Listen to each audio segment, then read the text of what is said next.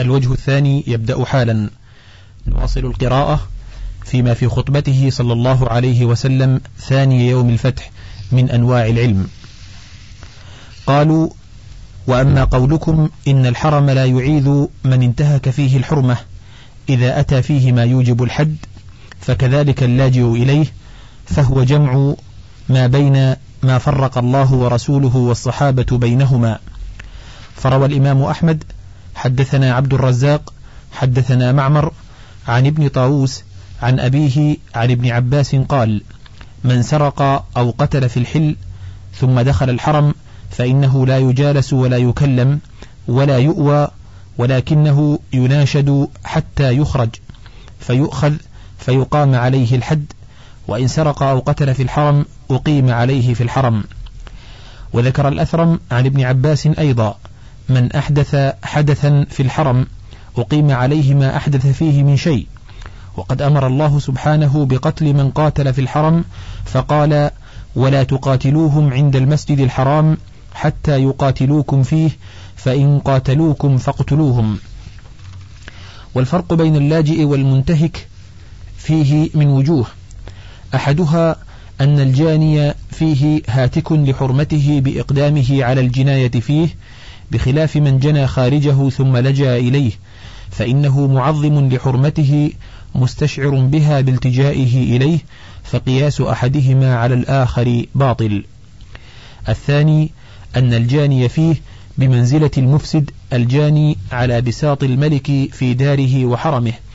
ومن جنى خارجه ثم لجأ إليه فإنه بمنزلة من جنى خارج بساط السلطان وحرمه ثم دخل إلى حرمه مستجيرا. الثالث أن الجاني في الحرم قد انتهك حرمة الله سبحانه وحرمة بيته وحرمه فهو هاتك لحرمتين بخلاف غيره. الرابع أنه لو لم يقم الحد على الجناة في الحرم لعم الفساد وعظم الشر في حرم الله فإن أهل الحرم كغيرهم في الحاجة إلى صيانة نفوسهم وأموالهم وأعراضهم. ولو لم يشرع الحد في حق من ارتكب الجرائم في الحرم لتعطلت حدود الله وعم الضرر للحرم وأهله. والخامس أن اللاجئ إلى الحرم بمنزلة التائب المتنصل اللاجئ إلى بيت الرب تعالى المتعلق بأستاره. فلا يناسب حاله ولا حال بيته وحرمه أن يهاج. بخلاف المقدم على انتهاك حرمته فظهر سر الفرق وتبين أن ما قاله ابن عباس هو محض الفقه. وأما قولكم إنه حيوان مفسد فأبيح قتله في الحل والحرم كالكلب العقور فلا يصح القياس فإن الكلب العقور طبعه الأذى. فلم يحرمه الحرم ليدفع أذاه عن أهله وأما الآدمي فالأصل فيه الحرمة وحرمته عظيمة وإنما أبيح لعارض فأشبه الصائل من الحيوانات المباحة من المأكولات فإن الحرم يعصمها. وأيضا فإن حاجة أهل الحرم إلى قتل الكلب العقور والحية والحدأة كحاجة أهل الحل سواء فلو أعاذها الحرم لعظم عليهم الضرر بها. فصل.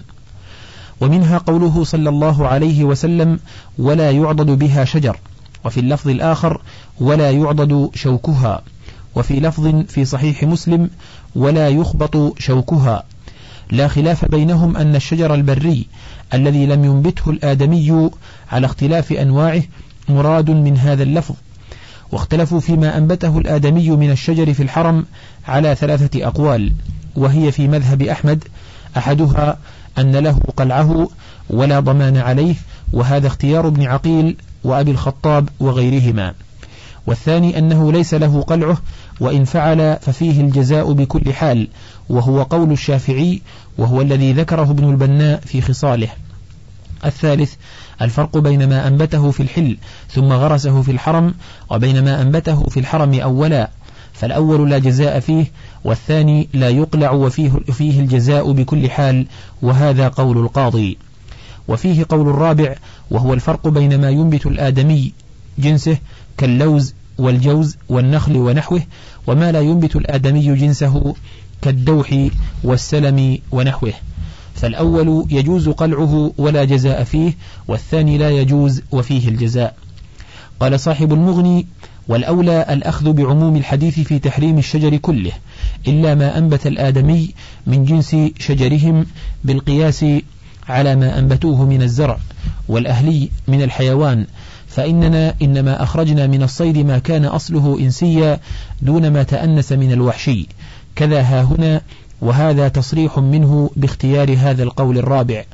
فصار في مذهب أحمد أربعة أقوال والحديث ظاهر جدا في تحريم قطع الشوك والعوسج. وقال الشافعي لا يحرم قطعه لأنه يؤذي الناس بطبعه فأشبه السباع. وهذا اختيار أبي الخطاب وابن عقيل وهو مروي عن عطاء ومجاهد وغيرهما. وقوله صلى الله عليه وسلم لا يعضد شوكها. وفي اللفظ الآخر لا يختلى شوكها. صريح في المنع. ولا يصح قياسه على السباع العادية فإن تلك تقصد بطبعها الأذى وهذا لا يؤذي من لم يدن منه. والحديث لم يفرق بين الأخضر واليابس ولكن قد جوزوا قطع اليابس قالوا لأنه بمنزلة الميت ولا يعرف فيه خلاف وعلى هذا فسياق الحديث يدل على أنه إنما أراد الأخضر فإنه جعله بمنزلة تنفير الصيد وليس في أخذ اليابس انتهاك حرمة الشجرة الخضراء التي تسبح بحمد ربها. ولهذا غرس النبي صلى الله عليه وسلم على القبرين غصنين أخضرين وقال لعله يخفف عنهما ما لم ييبسا. وفي الحديث دليل على أنه إذا انقلعت الشجرة بنفسها أو انكسر الغصن جاز الانتفاع به لأنه لم يعضده هو وهذا لا نزاع فيه. فإن قيل فما تقولون فيما إذا قلعها قالع ثم تركها فهل يجوز له أو لغيره أن ينتفع بها؟ قيل قد سئل الإمام أحمد عن هذه المسألة فقال من شبهه بالصيد لم ينتفع بحطبها وقال لم أسمع إذا, قطع إذا قطعه ينتفع به وفيه وجه آخر أنه يجوز لغير القاطع الانتفاع به لأنه قطع بغير فعله فأبيح له الانتفاع به كما لو قلعته الريح. وهذا بخلاف الصيد إذا قتله محرم حيث يحرم على غيره فإن قتل المحرم له جعله ميتة. وقوله في اللفظ الآخر ولا يخبط شوكها صريح أو كالصريح في تحريم قطع الورق وهذا مذهب أحمد رحمه الله. وقال الشافعي له أخذه ويروى عن عطاء والأول أصح لظاهر النص والقياس فإن منزلته من الشجرة منزلة ريش الطائر منه وأيضا فإن أخذ الورق ذريعة إلى يبس الأغصان فإنه لباسها ووقايتها. فصل. وقوله صلى الله عليه وسلم ولا يختلى خلاها لا خلاف أن المراد من ذلك ما ينبت بنفسه دون ما أنبته الآدميون. ولا يدخل اليابس في الحديث بل هو للرطب خاصة فإن الخلا بالقصر الحشيش الرطب ما دام رطبا. فإذا يبس فهو حشيش وأخلت الأرض كثر خلاها واختلاء الخلا قطعه. ومنه الحديث كان ابن عمر يختلي لفرسه أن يقطع لها الخلا ومنه سميت المخلاه وهي وعاء الخلا والإذخر مستثنى مستثنى بالنص وفيه تخصيصه بالاستثناء دليل على إرادة العموم فيما سواه. فإن قيل فهل يتناول الحديث الرعي أم لا؟ قيل هذا فيه قولان. أحدهما لا يتناوله فيجوز الرعي وهذا قول الشافعي والثاني يتناوله بمعناه وإن لم يتناوله بلفظه فلا يجوز الرعي وهو مذهب أبي حنيفة والقولان لأصحاب أحمد. قال المحرمون وأي فرق بين اختلائه وتقديمه للدابة وبين إرسال الدابة عليه ترعاه؟ قال المبيحون لما كانت عادة الهدايا أن تدخل الحرم وتكثر فيه ولم ينقل قط أنها كانت تسد أفواهها دل على جواز الرعي قال المحرمون الفرق بين أن يرسلها ترعى ويسلطها على ذلك وبين أن ترعى بطبعها من غير أن يسلطها صاحبها وهو لا يجب عليه أن يسد أفواهها كما لا يجب عليه أن يسد أنفه في الإحرام عن شم الطيب. وإن لم يجز له أن يتعمد شمه. وكذلك لا يجب عليه أن يمتنع من السير خشية أن يوطئ صيدا في طريقه وإن لم يجز له أن يقصد ذلك. وكذلك نظائره فإن قيل فهل يدخل في الحديث أخذ الكمأة والفقع وما كان مغيبا في الأرض؟ قيل لا يدخل فيه لأنه بمنزلة الثمرة. وقد قال أحمد يؤكل من شجر الحرم الضغابيس والعشرق. فصل. وقوله صلى الله عليه وسلم ولا ينفر صيدها صريح في تحريم التسبب إلى قتل الصيد واصطياده بكل سبب حتى إنه لا ينفره عن مكانه لأنه حيوان محترم في هذا المكان قد سبق إلى مكان فهو أحق به. ففي هذا أن الحيوان المحترم إذا سبق إلى مكان لم يزعج عنه. فصل. وقوله صلى الله عليه وسلم ولا يلتقط ساقطتها إلا من عرفها وفي لفظ ولا تحل ساقطتها إلا لمنشد فيه دليل على أن لقطة الحرم لا تملك بحال وأنها تلتقط إلا للتعريف وأنها لا تلتقط إلا للتعريف لا للتمليك وإلا لم يكن لتخصيص مكة بذلك فائدة أصلا. وقد اختلف في ذلك فقال مالك وأبو حنيفة لقطة الحل والحرم سواء. وهذا إحدى الروايتين عن أحمد وأحد قولي الشافعي ويروى عن ابن عمر وابن عباس وعائشة رضي الله عنهم. وقال أحمد في الرواية الأخرى والشافعي في القول الآخر لا يجوز التقاطها للتمليك وإنما يجوز لحفظها لصاحبها فإن التقطها عرفها أبدا حتى يأتي صاحبها. وهذا قول عبد الرحمن ابن مهدي وأبي عبيد وهذا هو الصحيح والحديث صريح فيه والمنشد المعرف والناشد الطالب ومنه قوله إصاخة الناشد للمنشد. وقد روى أبو داود في سننه أن النبي صلى الله عليه وسلم نهى عن لقطة الحاج وقال ابن وهب يعني يتركها حتى يجدها صاحبها. وقال شيخنا وهذا من خصائص مكة والفرق بينها وبين سائر الآفاق في ذلك أن الناس يتفرقون عنها إلى الأقطار المختلفة فلا يتمكن صاحب الضالة من طلبها والسؤال عنها بخلاف غيرها من البلاد.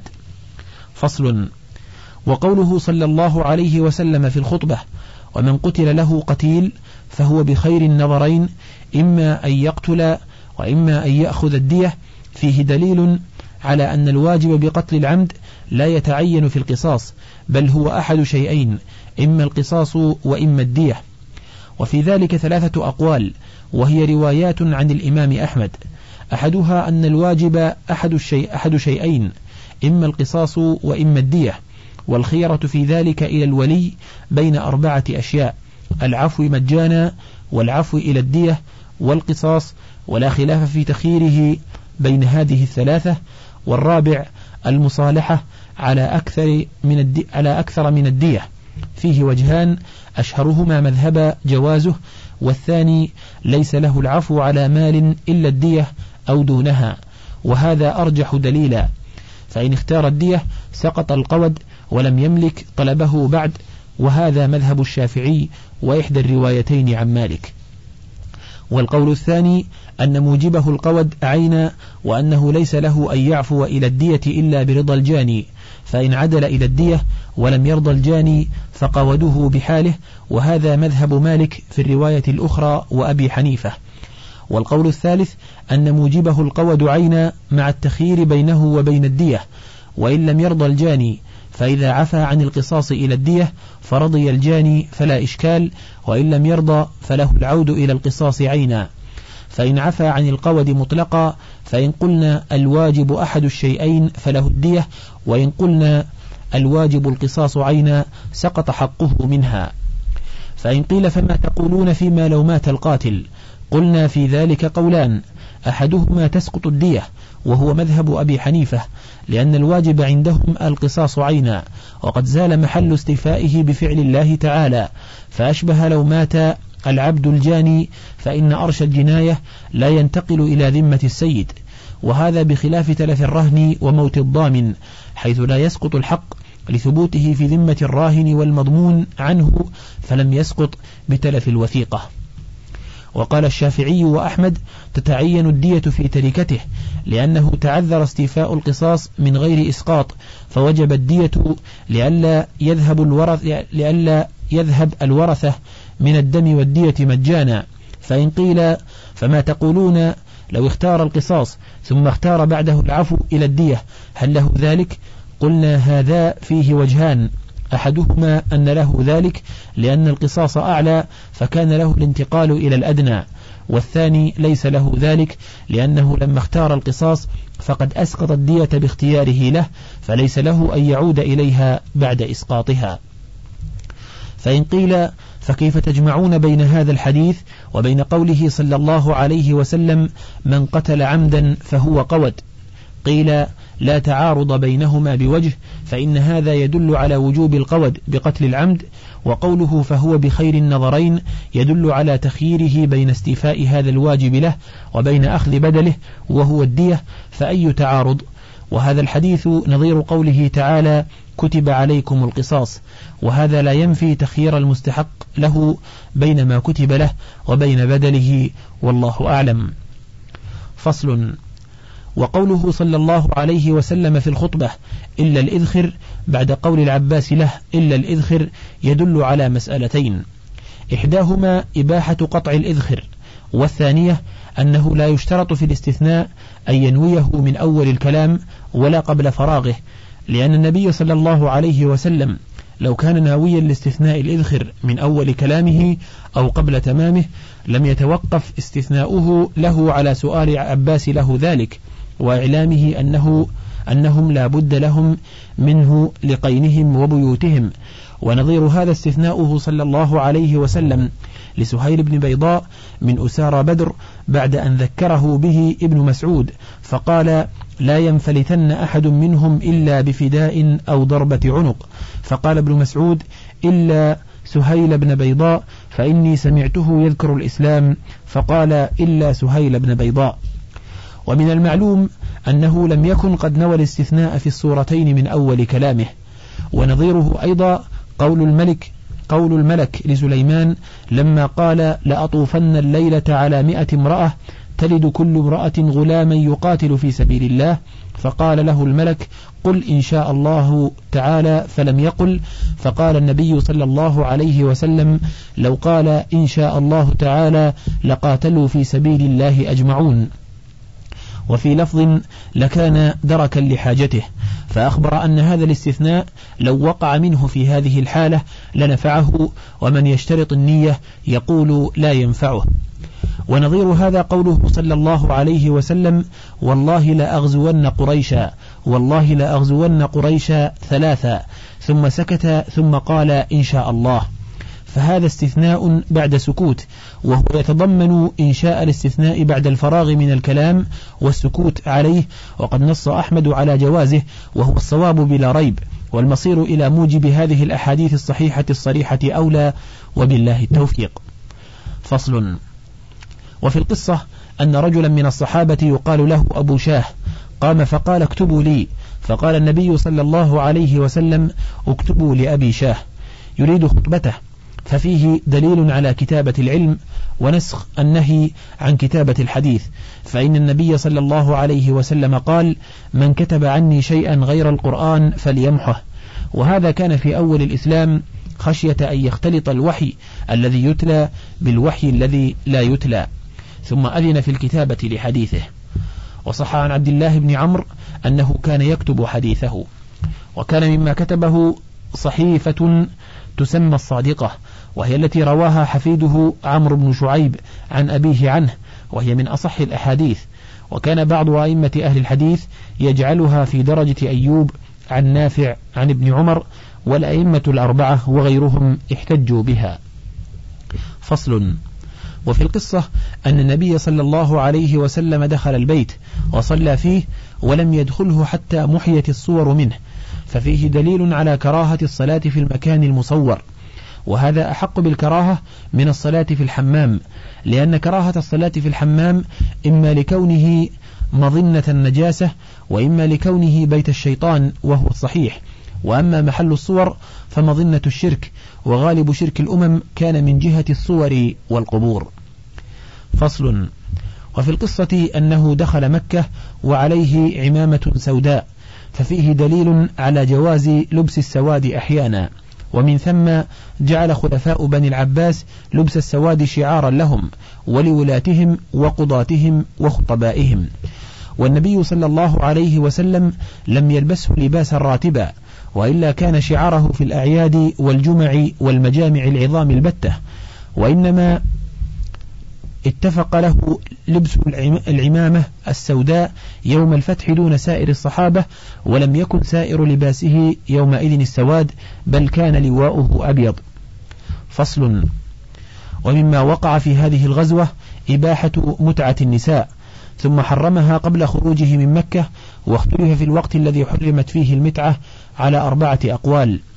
أحدها أنه يوم خيبر وهو قول طائفة من العلماء منهم الشافعي وغيره والثاني أنه عام فتح مكة وهذا قول ابن عيينة وطائفة والثالث أنه عام حنين وهذا في الحقيقة هو القول الثاني لاتصال غزاة حنين بالفتح والرابع أنه عام حجة الوداع وهو وهم من بعض الرواة سافر فيه وهمه من فتح مكة إلى حجة الوداع كما سافر وهم معاوية من عمرة الجعرانة إلى حجة الوداع حيث قال قصرت عن رسول الله صلى الله عليه وسلم بمشقص على المروة في حجته وقد تقدم في الحج وسفر الوهم من زمان إلى زمان ومن مكان إلى مكان ومن واقعة إلى واقعة كثيرا ما يعرض للحفاظ فمن دونهم.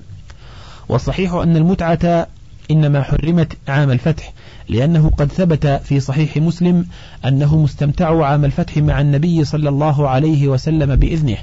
ولو كان التحريم زمن خيبر لزم النسخ مرتين وهذا لا عهد بمثله في الشريعة البتة ولا يقع مثله فيها.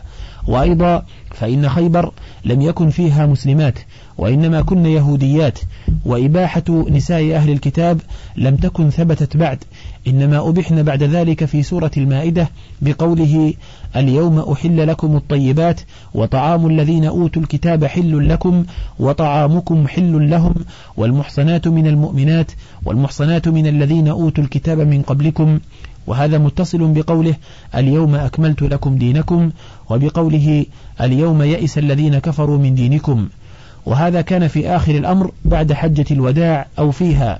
فلم تكن إباحة نساء أهل الكتاب ثابتة زمن خيبر ولا كان للمسلمين رغبة في الاستمتاع بنساء عدوهم قبل الفتح وبعد الفتح. استرق من استرق منهن وصرن إماء للمسلمين. فإن قيل فما تصنعون بما ثبت في الصحيحين من حديث علي بن أبي طالب أن رسول الله صلى الله عليه وسلم نهى عن متعة النساء يوم خيبر وعن أكل لحوم الحمر الإنسية وهذا صحيح صريح. قيل هذا الحديث قد صحت روايته بلفظين. هذا أحدهما. والثاني الاقتصار على نهي النبي صلى الله عليه وسلم عن نكاح المتعة وعن لحوم الحمر الأهلية يوم خيبر. هذه رواية ابن عيينة عن الزهري. قال قاسم بن أصبغ قال سفيان بن عيينة يعني أنه نهى عن لحوم الحمر الأهلية زمن خيبر لا عن نكاح المتعة ذكره أبو عمر. وفي التمهيد ثم قال على هذا أكثر الناس. انتهى. فتوهم بعض الرواه أن يوم خيبر ظرف لتحريمهن فرواه حرم رسول الله صلى الله عليه وسلم المتعة زمن خيبر والحمر الأهلية. واقتصر بعضهم على رواية بعض الحديث فقال حرم رسول الله صلى الله عليه وسلم المتعة زمن خيبر فجاء بالغلط البين. فإن قيل فأي فائدة في الجمع بين التحريمين إذا لم يكونا قد وقعا في وقت واحد؟ وأين المتعة من تحريم الحمر؟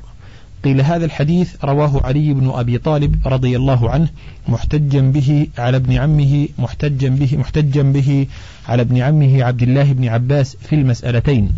فإنه كان يبيح المتعة ولحوم الحمر.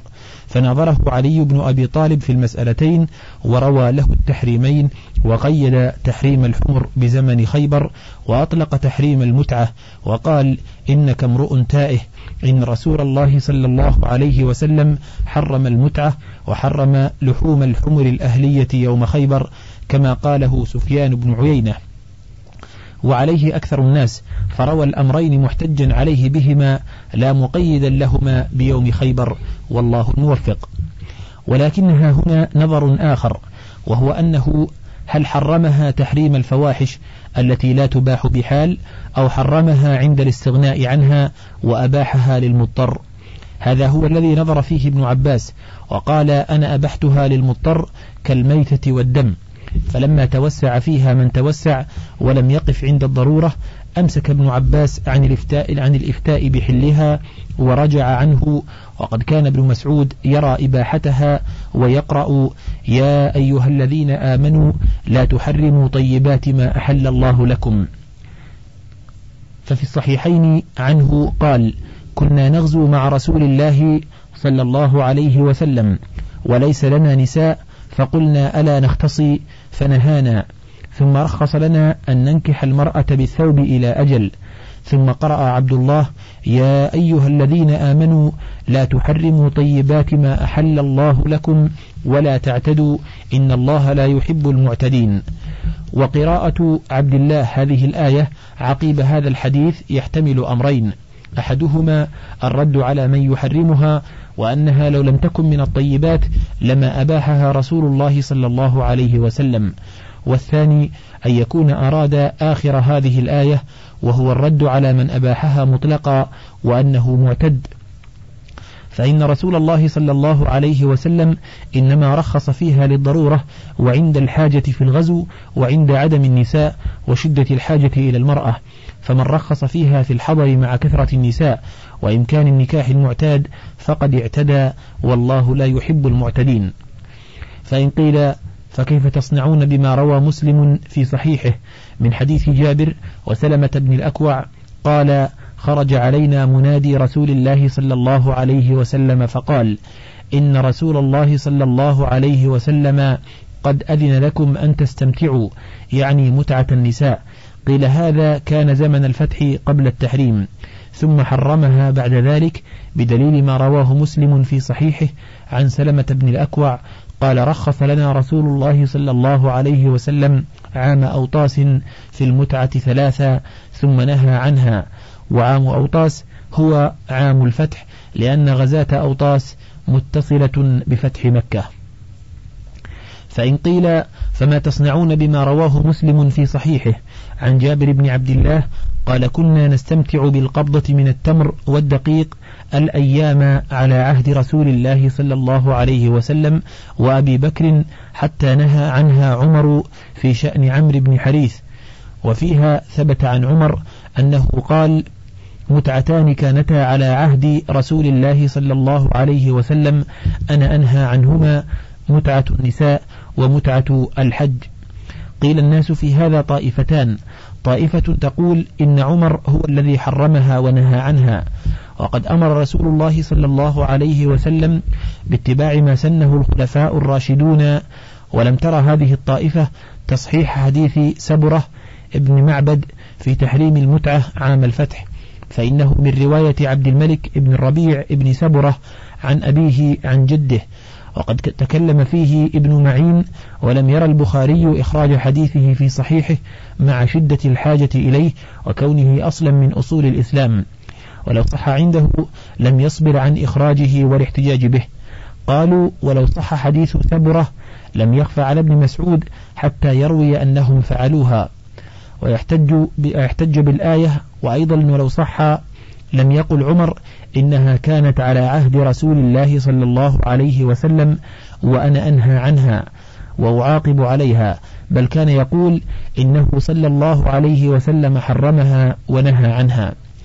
قالوا ولو صح لم تفعل على عهد الصديق وهو عهد خلافة النبوة حقا. والطائفة الثانية رأت صحة حديث سبرة ولو لم يصح فقد صح حديث علي رضي الله عنه أن رسول الله صلى الله عليه وسلم حرم متعة النساء فوجب حمل حديث جابر على أن الذي أخبر عنها بفعلها لم يبلغه التحريم.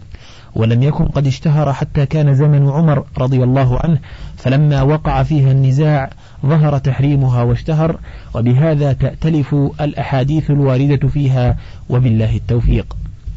فصل وفي قصة الفتح من الفقه جواز إجارة المرأة وأمانها للرجل والرجلين كما أجاز النبي صلى الله عليه وسلم أمان أم هانئ لحمويها. وفيها من الفقه جواز قتل المرتد الذي تغلظت ردته من غير استتابة فإن عبد الله بن سعد بن أبي السرح كان قد أسلم وهاجر وكان يكتب الوحي لرسول الله صلى الله عليه وسلم ثم ارتد ولحق بمكة فلما كان يوم الفتح أتى به عثمان بن عفان رسول الله صلى الله عليه وسلم ليبايعه فأمسك عنه طويلا ثم بايعه وقال إنما أمسكت عنه ليقوم إليه بعضكم فيضرب عنقه. فقال له رجل هل أومأت إلي يا رسول الله؟ فقال ما ينبغي لنبي أن تكون له خائنة الأعين. فهذا كان قد تغلظ كفره بردته بعد إيمانه وهجرته وكتابة الوحي ثم ارتد ولحق بالمشركين يطعن على الإسلام ويعيبه وكان رسول الله صلى الله عليه وسلم يريد قتله فلما جاء به عثمان بن عفان وكان أخاه من الرضاعة لم يأمر النبي صلى الله عليه وسلم بقتله حياء من عثمان ولم يبايعه ليقوم إليه بعض أصحابه فيقتله. فهابوا رسول الله صلى الله عليه وسلم أن يقدموا على قتله بغير إذنه. واستحيا رسول الله صلى الله عليه وسلم من عثمان. وساعد القدر السابق لما يريد الله سبحانه بعبد الله مما ظهر منه بعد ذلك من الفتوح فبايعه وكان ممن استثنى الله وكان ممن استثنى الله بقوله كيف يهدي الله قوما كفروا بعد إيمانهم؟ وشهدوا أن الرسول حق وجاءهم البينات والله لا يهدي القوم الظالمين. أولئك جزاؤهم أن عليهم لعنة الله والملائكة والناس أجمعين. خالدين فيها لا يخفف عنهم العذاب ولا هم ينظرون إلا الذين تابوا من بعد ذلك وأصلحوا فإن الله غفور رحيم. وقوله صلى الله عليه وسلم ما ينبغي لنبي أن تكون له خائنة الأعين. أي إن النبي صلى الله عليه وسلم لا يخالف ظاهره باطنه ولا سره علانيته وإذا نفذ حكم الله وأمره لم يوم به بل صرح به وأعلنه وأظهره. فصل في غزوة حنين وتسمى غزوة أوطاس. وهما موضوعان بين مكة والطائف فسميت الغزوة باسم مكانها وتسمى غزوة هوازن لأنهم الذين أتوا لقتال رسول الله صلى الله عليه وسلم. قال ابن إسحاق ولما سمعت هوازن برسول الله صلى الله عليه وسلم وما فتح الله عليه من مكة جمعها مالك بن عوف النصري واجتمع إليه مع هوازن ثقيف كلها واجتمعت إليه مضر وجشم كلها وسعد بن بكر وناس من بني هلال وهم قليل ولم يشهدها من قيس عيلان إلا هؤلاء ولم يحضرها من هوازن كعب ولا كلاب وفي جشم دريد بن الصمة شيخ كبير ليس فيه إلا رأيه ومعرفته بالحرب وكان شجاعا مجربا. وفي ثقيف سيدان لهم وفي الأحلاف قارب بن الأسود وفي بني مالك سبيع ابن الحارث وأخوه أحمر ابن الحارث وجماع أمر الناس إلى مالك ابن عوف النصري. فلما أجمع السير إلى رسول الله صلى الله عليه وسلم ساق معه الناس أموالهم ساق معه الناس أموالهم ونساءهم وأبناءهم. فلما نزل بأوطاس اجتمع إليه الناس وفيهم دريد بن الصمة. فلما نزل قال بأي واد أنتم؟ قالوا بأوطاس. قال نعم مجال الخيل. لا حزن ضرس ولا سهل دهس. ما لي أسمع رغاء البعير ونهاق الحمير وبكاء الصبي ويعار الشاء. قالوا ساق مالك بن عوف مع الناس نساءهم وأموالهم وأبناءهم. قال أين مالك؟ قيل هذا مالك ودعي له. قال يا مالك إنك قد أصبحت رئيس قومك وإن هذا يوم كائن له ما بعده من الأيام. ما لي أسمع رغاء البعير ونهاق الحمير وبكاء الصغير ويعار الشاء. قال سقت مع الناس أبناءهم ونساءهم وأموالهم. قال ولم قال أردت أن أجعل خلف كل رجل أهله وماله ليقاتل عنهم. فقال راعي ضأن والله وهل يرد المنهزم شيء؟ إنها إن كانت لك لم ينفعك إلا رجل بسيفه ورمحه وإن كانت عليك فضحت في أهلك ومالك. ثم قال ما فعلت كعب وكلاب؟ قالوا لم يشهدها أحد منهم. قال غاب الحد والجد. لو كان يوم علاء ورفعة لم تغب عنه كعب ولا كلاب ولوددت أنكم فعلتم ما فعلت كعب وكلاب فمن شهدها منكم؟ قالوا عمرو بن عامر وعوف بن عامر. قال ذلك الجذعان من من عامر لا ينفعان ولا يضران. يا مالك إنك لم تصنع بتقديم البيضة بيضة هوازن إلى نحور الخيل شيئا ارفعهم إلى متمنع بلادهم وعليا قومهم. ثم ألق الصبات على متون الخيل فإن كانت لك لحق بك من وراءك وإن كانت عليك ألفاك ذلك وقد أحرزت أهلك ومالك.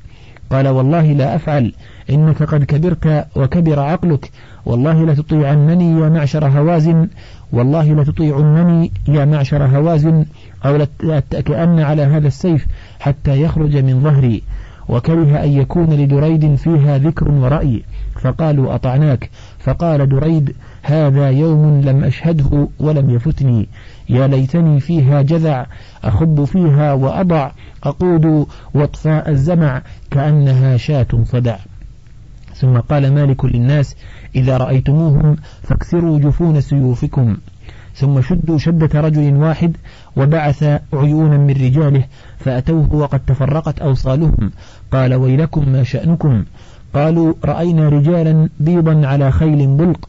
والله ما تماسكنا أن أصابنا ما ترى فوالله ما رده ذلك عن وجهه أن مضى على ما يريد. ولما سمع به النبي الله صلى الله عليه وسلم بعث إليهم عبد الله بن أبي حدر الأسلمي وأمره أن يدخل في الناس فيقيم فيهم حتى يعلم علمهم ثم يأتيه بخبرهم. فانطلق ابن أبي حدرد فدخل فيهم حتى سمع وعلم ما قد جمعوا له من حرب رسول الله صلى الله عليه وسلم. وسمع من مالك وأمر هوازن ما هم عليه ثم أقبل حتى أتى رسول الله صلى الله عليه وسلم فأخبره الخبر. فلما أجمع رسول الله صلى الله عليه وسلم السير إلى هوازن ذكر له أن عند صفوان ابن أمية أدراعا وسلاحا فأرسل إليه وهو يومئذ مشرك فقال يا أبا أمية أعرنا سلاحك هذا نلقى فيه عدونا غدا. فقال صفوان أغصبا يا محمد؟ قال بل عارية مضمونة حتى نؤديها إليك. فقال ليس بهذا بأس. فأعطاه مئة درع بما يكفيها من السلاح فزعموا أن رسول الله صلى الله عليه وسلم سأله أن يكفيهم حملها ففعل. ثم خرج رسول الله صلى الله عليه وسلم معه ألفان من أهل مكة مع عشرة آلاف من أصحابه الذين خرجوا معه ففتح الله بهم مكة وكانوا اثني عشر ألفا. واستعمل عتاب بن أسيد على مكة أميرا ثم مضى يريد لقاء هوازن. قال ابن إسحاق فحدثني عاصم بن عمر بن قتادة عن عبد الرحمن بن جابر عن أبيه جابر بن عبد الله قال لما استقبلنا وادي حنين انحدرنا في واد من أودية تهامة أجوف حطوط إنما ننحدر فيه انحدارا. قال وفي عماية الصبح وكان القوم قد سبقونا إلى الوادي فكمنوا لنا في شعابه وأحنائه ومضايقه قد أجمعوا وتهيأوا وأعدوا. فوالله ما راعنا ونحن منحطون إلا الكتائب قد شدوا علينا شدة رجل واحد وانشمر الناس راجعين لا يلوي أحد منهم على أحد. وانحاز رسول الله صلى الله عليه وسلم ذات اليمين ثم قال إلى أين أيها الناس؟ هلم إلي. أنا رسول الله. أنا محمد بن عبد الله. وبقي مع رسول الله صلى الله عليه وسلم نفر من المهاجرين والأنصار وأهل بيته. وفي من ثبت معه من المهاجرين أبو بكر وعمر. ومن أهل بيته علي والعباس وأبو سفيان ابن الحارث وابنه والفضل بن عباس وربيعة بن الحارث وأسامة بن زيد وأيمن ابن أم أيمن وقتل يومئذ. قال ورجل من هوازن على جمل له أحمر بيده راية سوداء في رأس رمح طويل أمام هوازن وهوازن خلفه إذ أدرك طعن برمح وإذا فاته الناس رفع رمحه لمن وراءه فاتبعوه. فبينا هو كذلك إذ أهوى عليه علي بن أبي طالب ورجل من الأنصار يريدانه قال فأتى علي من خلفه فضرب عرقوبي الجمل فوقع على عجزه ووثب الأنصاري على الرجل فضربه ضربة أطن قدمه بنصف ساقه. فانجعف عن رحله قال فاجتلد الناس قال فوالله ما رجعت راجعة الناس من هزيمتهم حتى وجدوا الأسارى عند رسول الله صلى الله عليه وسلم. قال ابن إسحاق ولما انهزم المسلمون ورأى من كان مع رسول الله صلى الله عليه وسلم من جفة أهل مكة الهزيمة تكلم رجال منهم بما في أنفسهم من الضغن. فقال أبو سفيان بن حرب لا تنتهي هزيمتهم دون البحر وإن الأزلام لمعه في كنانته وصرخ جبلة بن الحنبل وقال ابن هشام صوابه كلده ألا بطل السحر اليوم؟ فقال له صفوان أخوه لأمه وكان بعد مشركا اسكت فض الله فاك. فوالله لأن, لأن يربني رجل من قريش أحب إلي من أن يربني رجل من هوازن وذكر ابن سعد عن شيبة بن عثمان الحجبي قال لما كان عام الفتح دخل رسول الله صلى الله عليه وسلم مكة عنوة. قلت أسير مع قريش إلى هوازن بحنين فعسى إن اختلطوا أن أصيب من محمد غرة فأثأر منه. فأكون أنا الذي قمت بثأر قريش كلها وأقول لو لم يبقى من العرب والعجم أحد إلا اتبع محمد ما تبعته أبدا. وكنت مرصدا لما خرجت له لا يزداد الأمر في نفسي إلا قوة. فلما اختلط الناس اقتحم رسول الله صلى الله عليه وسلم عن بغلته فأصلت السيف فدنوت أريد ما أريد منه ورفعت سيفي حتى كدت أشعره إياه فرفع لي شواظ من نار كالبرق كاد يمحشني فوضعت يدي على بصري خوفا عليه فالتفت إلي رسول الله صلى الله عليه وسلم فناداني يا شيب ابن مني. فدنوت منه فمسح صدري ثم قال اللهم أعذه من الشيطان. قال فوالله لهو كان ساعة إذ أحب إلي من سمعي وبصري ونفسي وأذهب الله ما كان في نفسي. ثم قال أدن فقاتل. فتقدمت أمامه أضرب بسيفي. الله يعلم أني أحب أن أقيه بنفسي كل شيء. ولو لقيت تلك الساعة أبي لو كان حيا لأوقعت به السيف. فجعلت ألزمه في من لزمه حتى تراجع المسلمون فكروا كرة رجل واحد وقربت بغلة رسول الله صلى الله عليه وسلم فاستوى عليها وخرج في أثرهم حتى تفرقوا في كل وجه ورجع إلى معسكره فدخل خباءه فدخلت عليه ما دخل عليه أحد غيري حبا لرؤية وجهه وسرورا به فقال يا شيب الذي أراد الله بك خير مما أردت لنفسك ثم حدثني بكل ما أضمرت في نفسي ما لم أكن أذكره لأحد قط. قال فقلت فإني أشهد أن لا إله إلا الله وأنك رسول الله. ثم قلت استغفر لي. فقال غفر الله لك. وقال ابن إسحاق وحدثني الزهري عن كثير بن عباس عن أبيه العباس بن عبد المطلب قال إني لمع رسول الله صلى الله عليه وسلم آخذ بحكمة بغلته البيضاء قد شجرتها بها وكنت امرأ جسيما شديد الصوت. قال رسول الله صلى الله عليه وسلم يقول حين رأى ما رأى من الناس ألا أين إلى أين أيها الناس؟ قال فلم أرى الناس يلون على شيء. فقال يا عباس اصرخ يا معشر الأنصار يا معشر أصحاب يا معشر أصحاب السمرة. فأجابوا لبيك لبيك. قال فيذهب الرجل ليثني بعيره فلا يقدر على ذلك. فيأخذ درعه فيقذفها في عنقه ويأخذ سيفه وقوسه وترسه ويقتحم عن بعيره ويخلي سبيله ويؤم الصوت حتى ينتهي إلى رسول الله صلى الله عليه وسلم. حتى إذا اجتمع إليهم منهم مئة استقبلوا الناس فاقتتلوا فكانت الدعوة أول ما كانت يا للأنصار ثم خلصت آخرا يا للخزرج وكانوا صبرا عند الحرب فأشرف رسول الله صلى الله عليه وسلم في ركائبه فنظر إلى مجتلد القوم وهم يجتلدون فقال الآن حمي الوطيس وزاد غيره أنا النبي لا كذب أنا ابن عبد المطلب. انتهى الشريط الثامن والثلاثون من كتاب زاد المعاد وله بقية على الشريط التاسع والثلاثين.